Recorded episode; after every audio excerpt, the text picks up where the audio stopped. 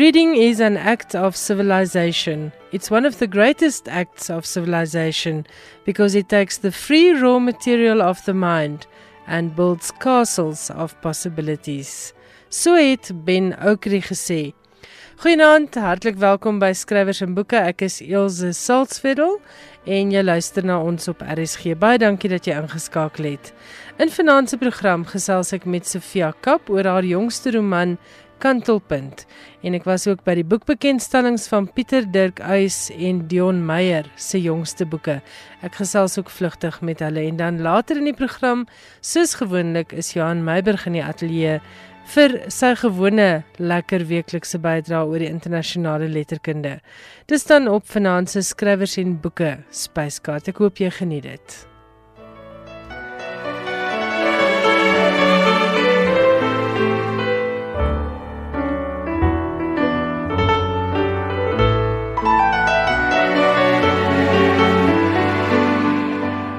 Kantelpunt is die boekstawing van Nelly van der Merwe gebore Petronella Jacoba van Aarde se wederopstanding. Nelly is pas 50, 'n konvensionele wit Afrikaanse vrou wat haar lewe lank gedoen het wat almal van haar verwag het. Sy het stil gebly. Met haar stilte het sy 'n plek gekoop in haar huwelik, haar gesin, haar familie, haar werk in die kerk, in die land, in die samelewing. Dit is hoe Sofia Kap se jongste roman Kantelpunt beskryf word. Sofia, goeienaand en hartlik welkom by Skrywers en Boeke. Hallo Eva.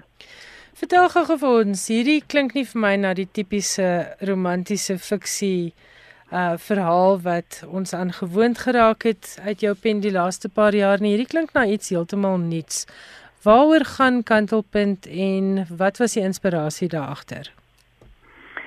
Ja, ja, dit is nie uh dis dis vir my nie uh ek het so bietjie probeer om ek dink maar my eie en en baie van my tydgenote se frustrasie met lewe in Suid-Afrika vas te vang. Dit dit kom maar soos my enige storie kom maar uit 'n mens se eie verwysingsraamwerk in jou eie lewe. Ehm um, en en die besef dat 'n mens nie alleen is nie. Jy weet dat jou dat jou frustrasie nie net joune is nie, dat daar mense is wat dit met jou deel. Ehm Uh en en dit is dit gaan presies waaroor jy nou gesê het, dit gaan dit gaan oor 'n middeljarige wit Afrikaanse vrou wat van vooraf moet uitvind hoe sy in haar eie lewe inpas. En waar hierdie ding vandaan gekom het is uh iewers het ek 'n slagspreuk of 'n sien maar 'n waarheid raak gelees. Dit staan voor in die boek ook, dis 'n aanhaling heel voor in die boek. Tuta mulier in utero. Dis 'n dis 'n Latynse spreuk en wat dit beteken letterlik is 'n vrou se totale vrou wees is na uterus geleë. En filosofies beteken dit jy is 'n vrou. Jy word as 'n vrou geklassifiseer as jy 'n uterus het. En dan ontstaan die vraag natuurlik by Nelly want sy ondergaan hierdie hysterektomie. Wat is sy dan daarna? As as jy nie meer 'n uterus het nie, is jy dan nog 'n vrou en hoe lyk jou vrou wees dan daarna? En en dit is so presies wat in kantelpunt gebeur tot en met die helfte van die boek uh, is sy 'n gewone middeljarige vrou soos wat ons almal ken en dan ondergaan sy hysterektomie en die vraag daarna is as jy losgesny is van jou vrou wees en van alles wat konvensioneel van jou vrou gemaak het hoe lyk jy dan en men dit die boek gaan dan oor Nelly se stryd om uit te vind wie sy veronderstel is om te wees Goed, ek sien dit word beskryf as 'n feministiese roman. Was dit jou bedoeling? nee, dit was nie my bedoeling nie en jy ek meen ek weet ek dink ek jok eintlik as ek dit sê. Ehm um, maar nee, dit was nie my bedoeling om om 'n uh, tot die feminisme gesprek by te dra nie. Maar ek dink dit is ook half onvermydelik dat 'n mens tot die feministiese gesprek bydra as jy praat oor 'n wit middeljarige Afrikaanse vrou. Want dit is maar verweef met met alles wat ons is ek wil dadelik dit bysê. Ek het dit voordat die boek klaar was nog en nou nadat die boek klaar is, ondervind ek dit dat dat mense dadelik uh, so half agterdogtig raak as 'n mens daai woord sê en ek wou eintlik dit nie as 'n deel van 'n bemarking jy weet vooropstel nie want daar het die, die laaste paar jaar, die laaste paar dekades, het die hele feministiese gesprek 'n kleur en 'n trant gekry waarmee ek self nie gemaklik is nie en baie vroue is nie daarmee gemaklik nie want dit is aggressief. Uh en half geniepsig en gemeen. Uh en en daar ek wil nie ek wil nie hê dat Nelly so in die wêreld ingestuur moet word nie want een van die goed wat waarmee Nelly spook is dat sy vies is vir die patriargie en mans wat vir haar bepaal waar sy in die lewe inpas, maar sy's net so vies vir vroue wat namens haar bepaal waar sy in die lewe inpas. Uh, sy is met ander woorde eintlik gefrustreerd met die hele stelsel, nie net met ehm um, sinne maar chauvinisme of met die patriargie nie. Uh dit dit is meer as net uh, sinne maar uh, mannehatery. Dis glad nie wat Nelly se stryd is nie. Uh uh, want een van my ontnigterings die, die ontnigterende ervaring wat ek gehad het is om te besef dat dat die patriargie soos wat ons dit ken en soos wat ons nou almal daarmee gefrustreerd is is dit wel 'n ding wat deur vroue in stand gehou word net soveel as wat dit deur mans in stand gehou word. En die mense wat dikwels die gemeenste is met vroue wat hulle teen die patriargie verset is ander vroue wat in die patriargie 'n plek gekry het en wat dit verbeter verdedig. Ek wil vir jou vra gegee die feministiese roman beskrywing, dink jy hierdie is 'n boek vir jou tradisionele aanhangers of het jy ook 'n hele nuwe lesersgroep wat dalk hierdie boek sal geniet? Wat dink jy? Wel, ek hoop so. Elke skrywer is oor 'n boek soos wat 'n ouer oor 'n kind is. Jy weet jy hoop die boek presteer na die beste van van die boek se vermoë. Uh, en ja, ek hoop 'n klomp mense lees dit want ek dink dit is 'n belangrike bydrae tot die debat.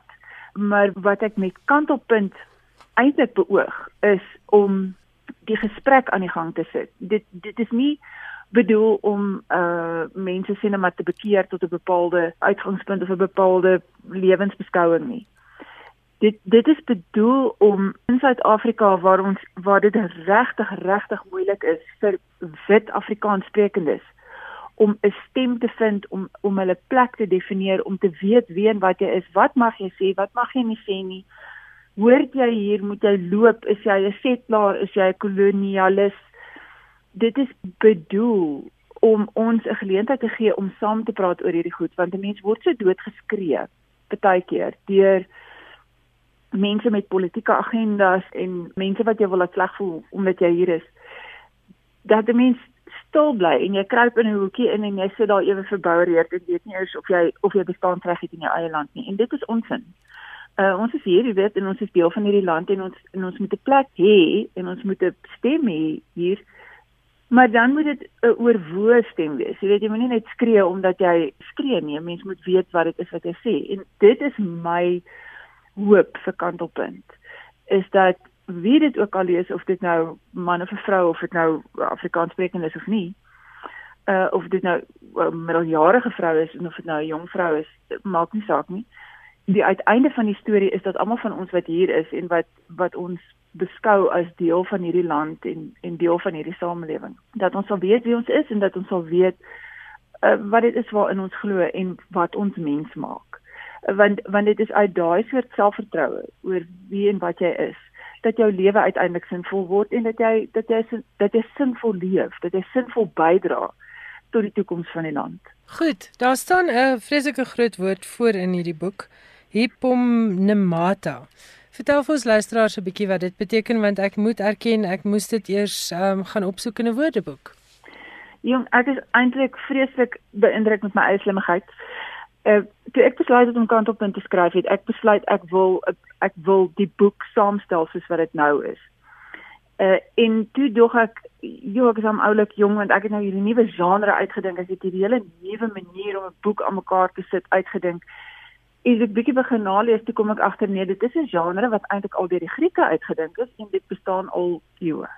En die genre se naam is Hypomnemata en wat dit is, dit beteken letterlik herinneringe, maar dit was notaboekies wat die Grieke gekultiveerde Grieke het hierdie notaboekies by hulle gedra en elke keer as hulle iets raak lees of raak sien of iets beleef of 'n insig bereik of een van daai aha oomblikke het wat mense maar het deur deur die loop van jou lewe dan word sulke gewaarwordinge neergeskryf in hierdie notaboekie. En later as jy nou rustig daaroor gefilosofeer en gedink en geredeneer het en met ander mense gepraat het en so aan dan skryf 'n mens uit hierdie rou materiaal 'n verhandeling oor 'n bepaalde kwessie of oor 'n ding wat jou geraak het of uh, jy weet sien maar uh, die die hele kwessie van skuld uh of of uh of, of om te hoort op 'n plek. Uh dan gebruik jy die roumateriaal in jou hypomnemata om om jou verhandeling te skryf.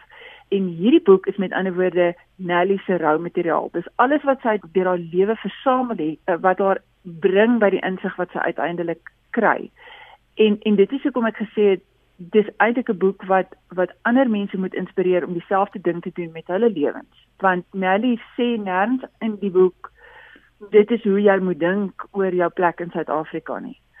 Sy sê, dis hoe ek dink oor my plek in Suid-Afrika en die ideaal is dan dat elkeen wat hier woon 'n soortgelyke onderneming maak om 'n soortgelyke hipomnemata op te stel vir hulle eie lewe sodat dit uiteindelik vir almal op dieselfde manier sinvol raak. En dit verklaar dan al die aanhalinge in die boek, is ek reg? Dis presies dit want Nelly vertel haar storie of laat haar storie vertel en die leser sy neem die leser so 'n bietjie saam op haar reis en baie dele van die reis is is minder aangenaam en baie is is meer lighartig.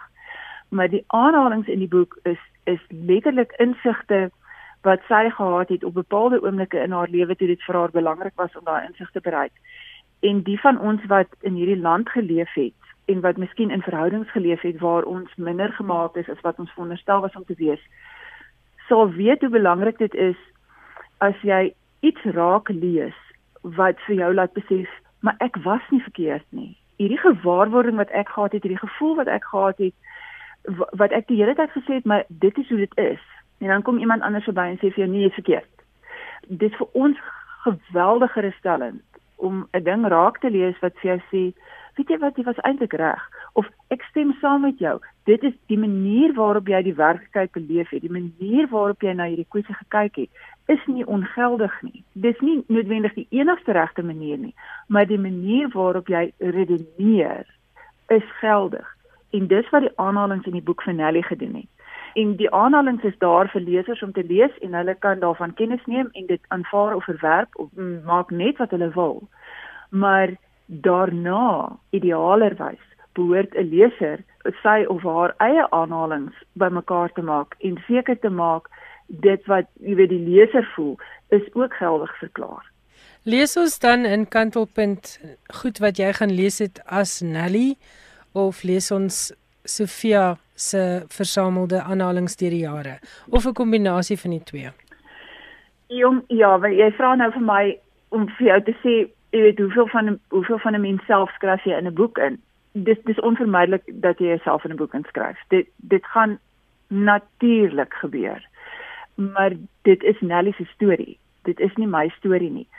Sommige van die goed wat wat ek in die boek gebruik het, het ek gelees lank voordat ek kantelpunt eers bedink het.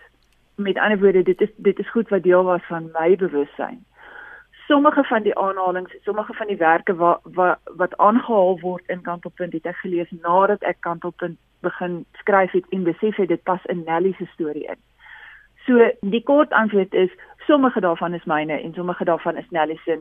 Uh maar alles het uiteindelik vir Nelly se gemaak. Goed. Het jy byvoorbeeld as Nelly jou op 'n stukkie reis neem het jy dan byvoorbeeld gaan lees oor hoe sy op daardie stadium kon gevoel het sodat jy byvoorbeeld 'n aanhaling kan vind? Ja, daar's goedes wat Nelly ervaar het wat ek persoonlik nie deurloop het nie. En ek het baie wyd daaroor gaan lees sodat ek redelik akkuraat kon bepaal hoe Nelly daaroor sou voel. Want soos ek gesê het, Nelly se storie is nie my storie nie. Nelly se gewaarwording is min of meer myne, maar daar daar is goed wat Nelly ervaar het wat ek nie beleef het nie. En daaroor moes ek gaan lees. En en die aanhaling, sommige van die aanhalinge in Kantelpunt is uit gedigte of uit populêre liedjies. Sommige aanhalinge is is meer akademies. En van die akademiese goed het, het ek gaan lees. Dit is glad nie 'n akademiese boek nie. Ek het probeer om nie hoogdrawend te skryf nie. En sulke aanhalinge is baie beperk, dis net 'n dis net 'n sin of twee. Maar dit is nog steeds baie treffend en baie akkuraat vir wat Nelly op daai bepaalde oomblik gevoel het. So gesels Sofia Kap, die skrywer van Kantelpunt. Dit word uitgegee deur Lapa Uitgewers. Jy luister na skrywers en boeke op RSG. Ek is hier by die boekbekendstelling van Dion Meyer se nuwe boek Prooi. Dion, baie welkom by Skrywers en Boeke en dankie vir 'n wonderlike wonderlike Benny Griesel en regtig wel gedaan. Ek het so lekker gelees aan hierdie boek. Hy speel af gedeeltelik oor see. So ek wil hê die mikrofoon is joune, jy moet 'n bietjie vertel oor die navorsing gewerk. Moes jy oor see gaan bly? Waar die idee vandaan gekom? Al die gewone goed wat ek altyd met jou oor gesels. Jose baie dankie en dankie vir die gesels. Ek het uh, 'n groot deel van die boek speel in Frankryk af, veral Bordeaux en Parys en dan so 'n bietjie in Amsterdam ook. Uh in Bordeaux ek en Marian gaan dikwels Bordeaux toe. Ons is baie lief vir die stad. Ons hier altyd dieselfde woonstel as ons daar is. Ons hou twee fietsse daar aan. Ons ry die wêreld plat met die fietsse.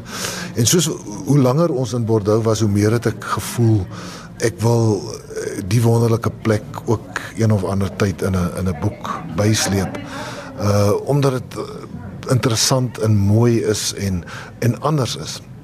En uh met prooi het die geleentheid om voorgedoen. Jy weet om 'n storie te bou is baie soos 'n legkaart. Jy sit met 'n klomp stukkies uh wat jy van hou, maar jy moet meet en pas tot jy twee kry wat wat mooi pas en wat 'n nuwe groter beter prentjie maak. Uh so en die Bordeaux ding was een van daai stukkies en ek kon hom nog nooit voorheen laat pas dit nie en uh, toe nou met die met die boek toe pas hy nou vir my lekker en uh, so daar is 'n karakter wat in Bordeaux bly wat in die boek is En hy kom terug. Hy kom terug uit een van jou vorige romans, maar ek kan nou nie die naam onthou nie. Nee, en ek wil ook nie die naam sê nie. Ek ja. dink ek sal dit graag wil as 'n verrassing hou vir die lesers. En dit was my 'n bitter interessante uh verloop gewees. Uh jy weet dis een ding om in 'n stad te bly uh, as 'n as 'n toerist, as 'n vakansieganger, maar om regtig te weet wat agter die skerms aangaan, is 'n ander storie. So ek het toe deur baie goeie vriende uh, by die uh, nasionale polisie se kantoor in Bordeaux uitgekom, 'n wonderlike dag saam met hulle gespandeer en uh, die die die speurmense daardeur ken uh oor hulle ges, met hulle gesels oor misdaad in Bordeaux, misdaad in Frankryk in die algemeen, want ek was op 'n hengel ekspedisie. Ek het dinge gaan soek wat ek kon gebruik in die boek. Uh en dit was geweldig interessant om byvoorbeeld uh die 'n vergelyking te tref tussen die misdaad waarmee hulle daar te kampe het en die misdaad wat ons polisie mense hier het om 'n vergelyking te tref tussen die gemoedstoestand van die polisie mense uh in in Frankryk en hier uh, wat 'n baie groot verskil is. Uh so dit was alles heerlike ryk grondstowwe waaruit ek kon myn om om om die nuwe storie te bou. En uh ek weet nie of ek dit gou weer sal doen om om om weer 'n karakter in die buiteland te sit nie. Ek weet nie of ek dalk vir Benny Griese die kans moet gee om om bietjie Europa toe te gaan nie, maar dit dit was lekker. Ek het dit baie geniet. Die tema is staatskaping en voordat lesers dink ag net nie nog iets oor staatskaping nie. Ek het so lekker gelees aan die boek want jou navorsing was baie goed. En ek het ook die einde geniet. Dis nie die einde wat mense noodwendig verwag nie, maar dis 'n lekker einde. Hoekom staatskaping? Is dit maar omdat dit aktueel was toe jy moes begin skryf? Want dit voel ook byna asof jou boek gister geskryf is en asof hy presies reg is vir die tyd waarin ons leef. Ja, dit was een van die interessante dinge. Weet jy die die eerste storie idee vir prooi het gekom. Ons is baie lief vir treinry en hoe meer mense treinry, hoe meer dink jy eendag wil ek 'n misdaad op 'n trein plaas uh en uh toe ek die storie begin ontwikkel was dit in die tyd waarin die groot staatskaping eposse begin bekend geraak het wat my net so ontstel en kwaad gemaak het soos wat ek dink die meeste Suid-Afrikaners was. En 'n mens 'n mens skryf en 'n mens ontwikkel stories dikwels agter jou eie emosies aan. Ek dink dis 'n baie gesonde plek, want as daar gevoel is agter die skryfwerk, dan is dit 'n baie goeie dryfveer en 'n baie goeie dinamiek uh waarin jy moet skryf. Mense moet uiteraard versigtig wees om nie jou eie ideologie in die boek te sit nie, want misdaadfiksie is vermaak. Dit is nie 'n uh, prekery of 'n of 'n manifest nie maar ek kon vanuit daai kwaad kon ek uh, kon ek nie anders as om staatskaping te betrek nie. Maar ek het ook ek was ek het die wonderlike voorreg gehad om in die tyd wat ek die storie ontwikkel het ook saam met die valke in die Kaap die spesifiek die die eenheid vir ernstige geweldsmisdade uh te kuier uh, vir 'n hele oggend. Hulle het uh, een van die groot ikoniese speurders in die Kaap het van afskeid geneem, het afgetree en uh soos ek daar gesit het en ek het met hulle gesels en besef hoe beleerd hulle is. Hierdie ouens wat so dis vir hulle 'n saak van sulke groot trots om nie gekaap te wees nie, om nie korrup te wees nie, om die die goeie stryd te stry onder geweldige moeilike omstandighede waar uh dele van die polisie eenvoudig net meer vertrou kan word nie.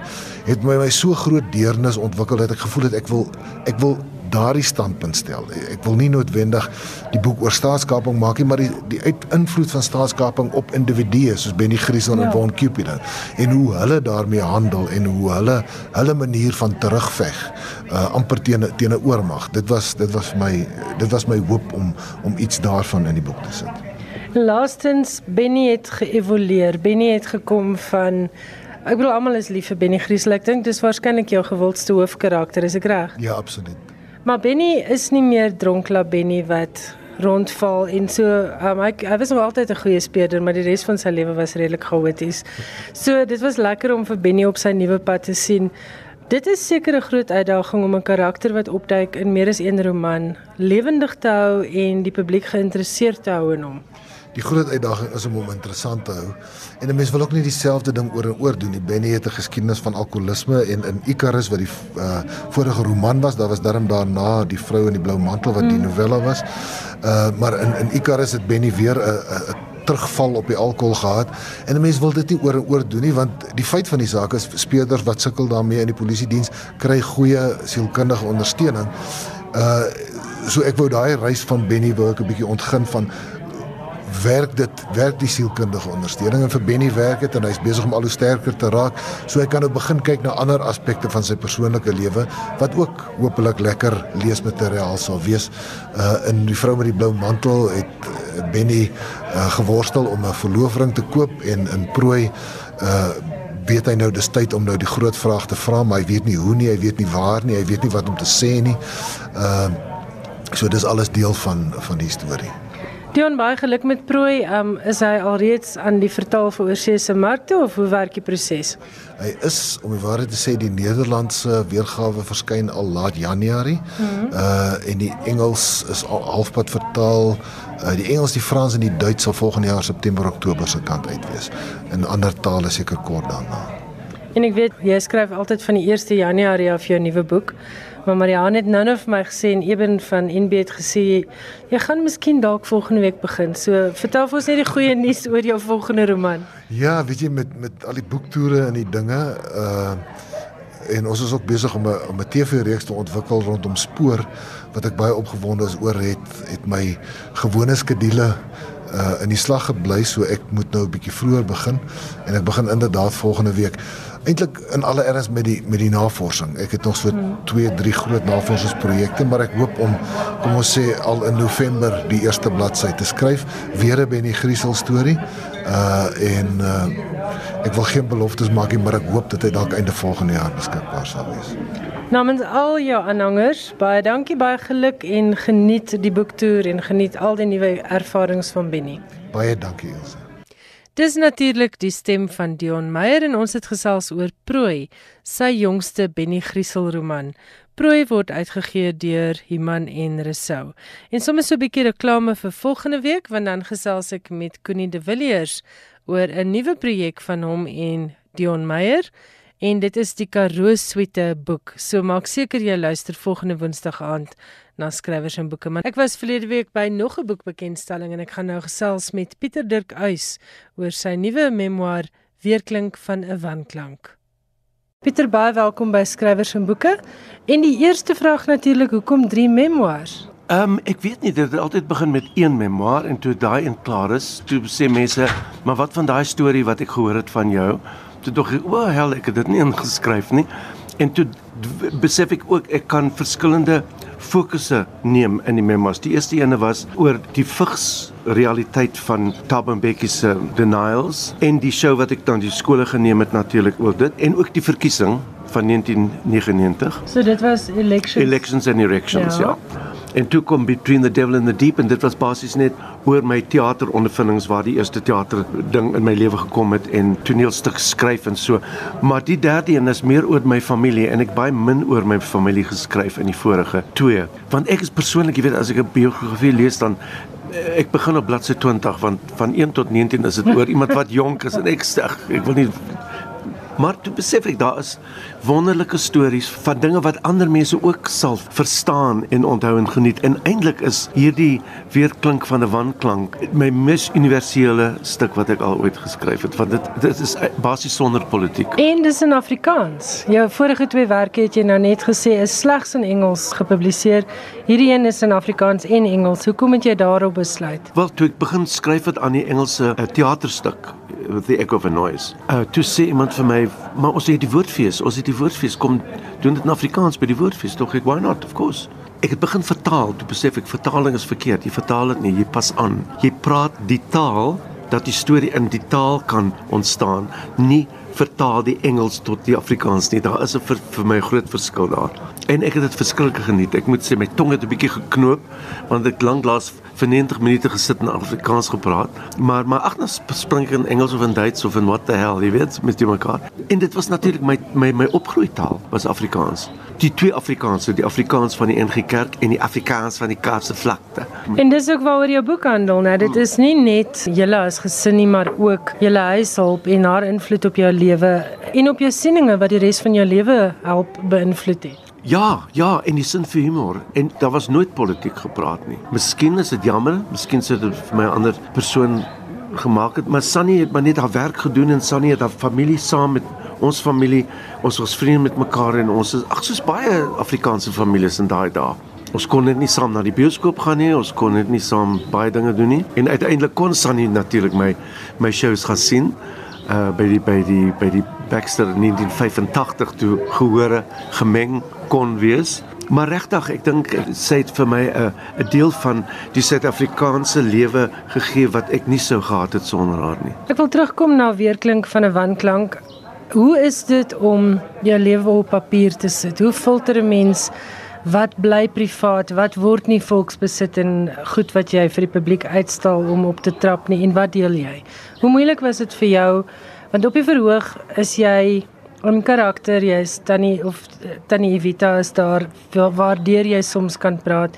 Maar hierdie is Pieter Dirk Eis in al sy ehm um, weerloosheid ook. Ja, kaalheid.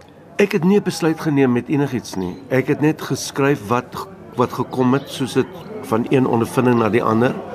Somstyds het ek hulle rond beweeg want dit om om die struktuur 'n bietjie uh, aan te pas en ook om om tyd en plek te vind want mense kan nie te lank aangaan nie. Ek wou ook my hoofstukkies kort hou sonder te veel agenda sonder te veel the small print jy weet praat oor 'n ding en dan 'n soort 'n verskoning maak vir iets ag ek weet nie ek wou die politiek uithou ja.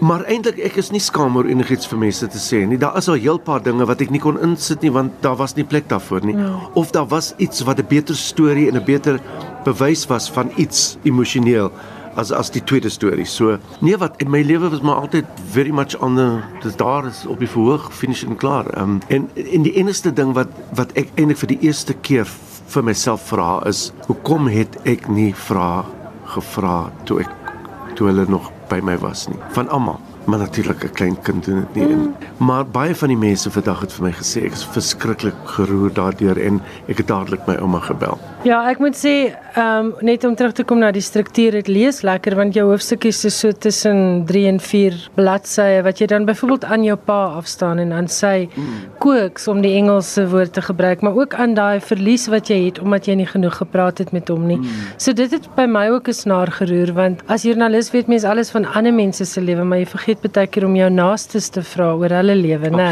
En jy's ehm um, ook mos maar 'n sosiale kommentator met jou werk. Ek wil net gou terugkyk na jou loopbaan. Jy het nou-nou weer gespot en gesê jy's sedert 75 al amptelik werkloos. Wat is die belangrikste lesse wat jou loopbaan en 'n lewe in Suid-Afrika jou geleer het? Ek dink die belangrikste les is die dissipline om te weet dat as jy niks doen nie, niks gaan gebeur nie en as jy iets doen kan alles gebeur. Dit is seker my Joodse agtergrond, my Duitse agtergrond, my my Afrikaanse agtergrond is alles daai dissipline van doen jou werk behoorlik. Niemand moet goed agter jou kom skoonmaak nie. En ook die feit dat jy kan ook vir 10 minute niks doen of niks dink nie. Dit is 'n baie belangrike daaglikse terapie vir my. Mense gaan na die gim en ek maak my oë toe en ek dink aan niks. En jy dit rus jou uit en dit gee jou 'n tweede asem. En natuurlik om mense dop te hou. Dit is my te wonderlik om mense dop te hou. Die die die lyftaal. Mense se lyftaal en hulle spraaktaal is altyd twee verskillende dinge. Ek kan altyd vir 'n mens as iemand na toe my toe loop, dan weet ek presies waar die probleem lê. Maar ook dit is baie lekker om nie die gedurende vergaderings te moet bywoon nie. Ek het nie so ding in my lewe nie. Ek sê by my teater kyk, okay mense, ons praat Dinsdag, ek is daar vir 10 minute en ek gaan nie sit nie. Ek staan by die deur. Werk dit of werk dit nie? As dit werk, okay, gaan voort. As dit nie werk nie, sê vir my hoekom. Stuur vir my 'n e-mail van twee paragrawe en ons maak dit reg. Maar hierdie ding van ons begin 10uur en dan moet ons praat, dan gaan ons lunch breek, dan kom ons terug 2 en dan praat ons, dan gaan ons uit eet in die aand. Nee man, dis net bly die nonsens geld geld mors. En dan dan noem ons dit 'n strategie sessie, né? Ja, ja, strategie sessie, ja. Ek wil afsluit jy jy praat nie politiek in jou nuwe boek nie en Tannie Evita maak net 'n kamee verskyning. Net so laaste woord vir luisteraars wat dalk op hierdie stadium van ons landsgeveg 'n bietjie moedeloos is. Jy is 'n uh, politieke waarnemer, sosiale waarnemer. Het jy vir ons 'n boodskap van hoop oor dinge wat op die oomblik in Suid-Afrika gebeur is? Ons kan niks doen met die hoofopskrifte in koerante nie. Die slegte nuus is daar, want dit is daar gesit om ons bang te maak. Ek sê nie dis nie dit bestaan nie, natuurlik bestaan dit maar die balans is nooit daar nie. En daar is so baie wat ons kan doen met die mense om ons, met ons kinders, ons kleinkinders, ons vriende, ons bure, die mense in ons gemeenskappe, die mense wat ons mee saamwerk. Dit is die realiteit van hoop. Dat ons as as iemand bang is, praat oor die bangheid, gee dit 'n naam maar uh, politiek gebruik daai wapen van bangheid om almal stil te maak en die oomblik as ons as stemmers in 'n demokrasie stil bly, gaan ons die stem verloor. En ons het 'n verkiesing volgende jaar. Elke persoon kan iets bydra om daai verkiesing die moeite werd te maak. Daar is party mense in die politiek wat ons nodig het vir die toekoms en daar's 'n party mense in die politiek wat ons nie moet hê in die toekoms nie. En dit ek almal weet hoe, waarvan ek praat hierso. So gaan maak jou kruisie om jou kruisie te dra. So gesels Pieter Dirk Uys, gaan maak jou kruisie om jou kruisie te dra. Dit is 'n wonderlike boodskap daardie vir elke Suid-Afrikaner. Pieter se nuwe biografie, Weerklink van 'n wanklank, is in Afrikaans en Engels beskikbaar en dit word uitgegee deur Tafelberg Uitgewers. Net so vinnige terugkyk na verlede week se SMS'e. Daar was 'n hele klompie SMS'e oor verlede week se program oor Olga Kirsch. Baie dankie daarvoor. Net 'n navraag wat meer as eenmaal deurgekom het, wanneer is Olga Kirsch oorlede? Sy is in 1997 oorlede en ek dink as ek reg onthou, verlede week se opname is in 1994 gemaak. So dit dan die antwoord op wanneer Olga Kirsch oorlede is skrywers en boeke. Alles wat jy oor die boekewêreld wil weet en meer. Jan Meiburg, baie welkom by my in die ateljee. Hoe was jou week? Lekker boeke gelees? Inderdaad, ja. Ja, Ek het ja. weer by nog iemand gehoor oor Troebeltyd van Ingrid Winterbag. So dit is nou die boek op die bedkas hierdie week. Wat lees jy? Ehm um, ek ek het begin met Dion Meyer met Prooi. Goed, so hmm. ons steek mekaar aan. Inderdaad, steek ons mekaar aan. Dan moet jy nou gaan luister na my onderhoud met Dion Meyer wat ek vroeër vanaand uitgesaai het. Maak seker jy luister na die pot gooi. Goed so. Maar waar praat jy vanaand? Ek begin met Tony Hoagland, die Amerikaanse digter wat beskryf is as een van die beste en mees gevatte skrywers van sy tyd. Hy is onlangs dood aan kanker. Hy was 64. In sewe bundels waarvan Priest turned Therapist Treats Fear of God, die jongste wat vroeër vanjaar verskyn het, het Hoagland homself gevestig as digter wat sosiale kommentaar lewer, maar wat begryp het dis moeilik om enigiets wat ernstig is in woorde vas te vang sonder om humor in te bring. Dit is dikwels juis die hartverskeurende en die moeilike gedaantes van die mense bestaan wat Hoagland so vernuftig en met besondere flair gestalte gee in sy verse. Dis juist die vermoë en sy vaardigheid wat Hoagland se verse so inklusief en toeganklik maak. Hy die leser nooit uitgesluit nie, maar die leser vermaak sonder om ligsinnig te wees, het een van sy skrywersvriende oor sy werk opgemerk. Onderwerpe wat hy in gedigte getakel het, strek van die ervaring van manlikheid tot eetplekke en inkopiesentrums en van begeerte tot sy siening van Amerika. Dis dikwels 'n nare prentjie wat hy van die FSA teken, maar nooit genadeloos nie.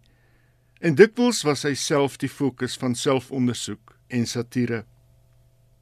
Hoagland is in North Carolina gebore en het studeer aan die universiteite van Iowa en Arizona.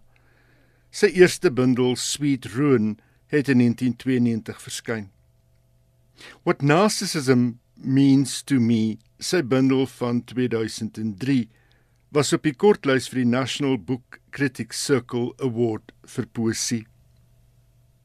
Maar ewe belangrik is Hoagland se twee bundels essays, Real Sophistication, Essays on Poetry and Craft van 2006 en 20 Poems That Could Save America and Other Essays van 2014.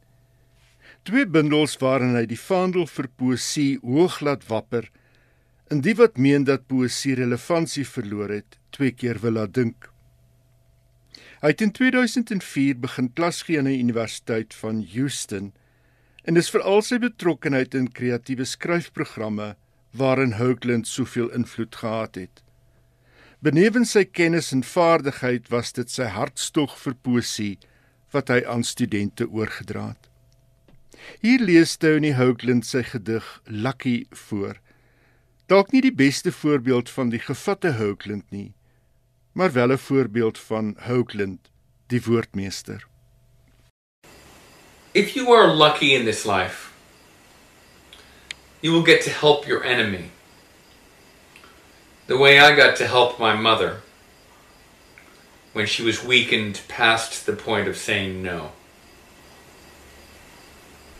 Into the big enamel tub, half filled with water, which I had made just right, I lowered the childish skeleton she had become.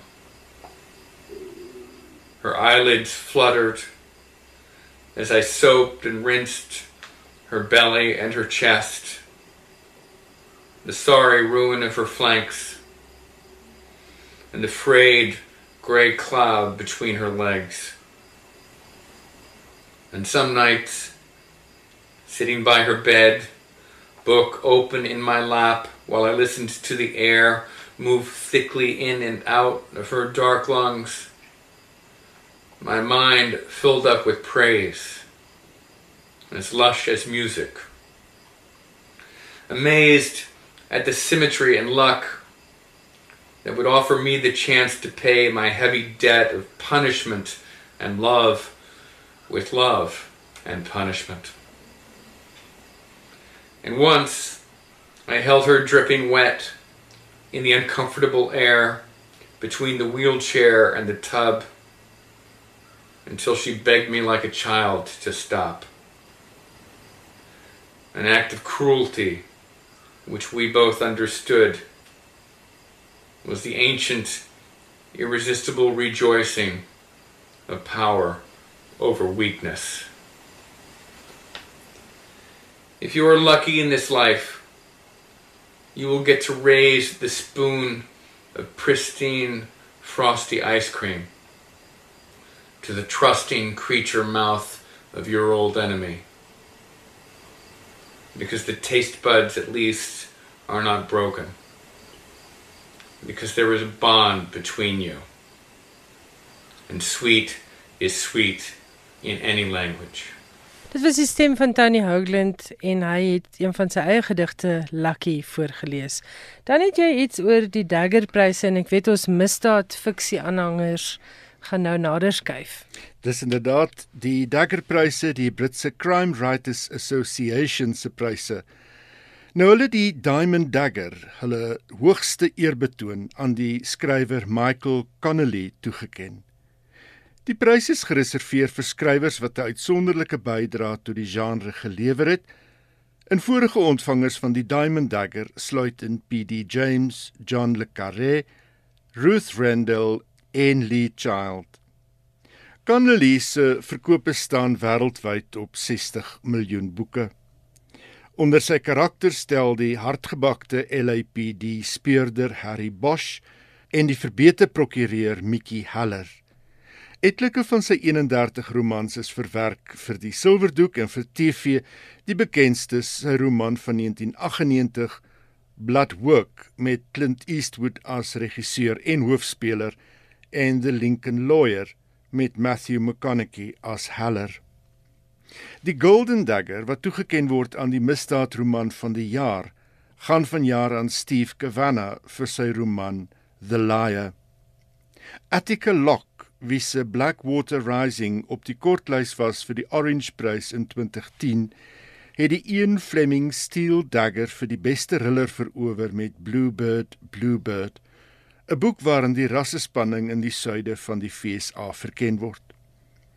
Die debuutprys is toegekend aan Melissa Scrivener Love vir haar Lola, 'n boek wat afspeel in die Kaliforniese bendestryd met 'n vrou aan die hoof van die macho kliks. Dan het jy iets oor 'n baie ou gunstelinge regtig 'n klassieke boek en dit is iets uit die pen van Roald Dahl. Matilda, die 5-jarige meisie in Roald Dahl se boek met dieselfde titel, is vanjaar 30 jaar oud.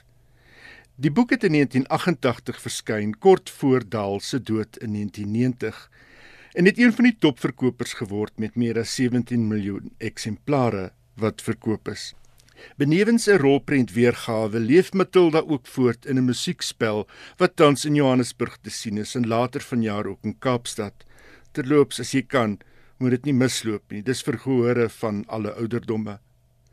Matilda Wormwood is 'n begaafde kleindogtertjie wat ondanks en miskien moet 'n mens sê ten spyte van haar selfgesentreerde ouers reeds op 5 kennis gemaak het met al die kinderboeke in die biblioteek en self aanbeweeg het na Dostojewski. Vir die 30ste verjaardag het Quentin Blyk, die man wat die illustrasies vir die eerste uitgawe van Matilda gemaak het, nou vier tekeninge gemaak wat 'n mens kan sien op die webwerf www.quentinblyk.com van hoe Matilda op 30 daaruit sou sien. Daar is Matilda Wormwood, die poet laureate. Professor M Wormwood, astrofisikus. Amazing Matilda, die wêreldreisiger en Dr M Wormwood uitvoerende hoof van die British Library. Dalk is dit nou die ideale geleentheid om weer kennis te maak met Matilda. En as jy nog nie het nie, wag daar die heerlikste verrassing op jou. Daardie soort uh humor en dinge wat die Britte so goed kon vasvang, gaan eintlik nooit verlore nie, né? Dit is die wonderlikste humor en dit is uit die oog van 'n kind. Jy vergewe haar 'n klompie goed maar wat sy sê is absoluut primend. Jy kry die gevoel van sy's die volwassene en die ouers is eintlik die die kinders. Die kinders. Die die harthorende, balhorige kinders. Wat net nie wil leer nie. So jy sê daar is nou 'n musiekblyspel. Die musiekspel is by Monte Cassino op die oomblik en ehm, 'n um, voortreffelike stuk werk. Goed. Dit was dan Johan Meiburg met 'n lekker hitspot van dinge van misdaadfiksie tot Matilda. Ja, ons gesels dan volgende week weer. Baie, Baie dankie. dankie.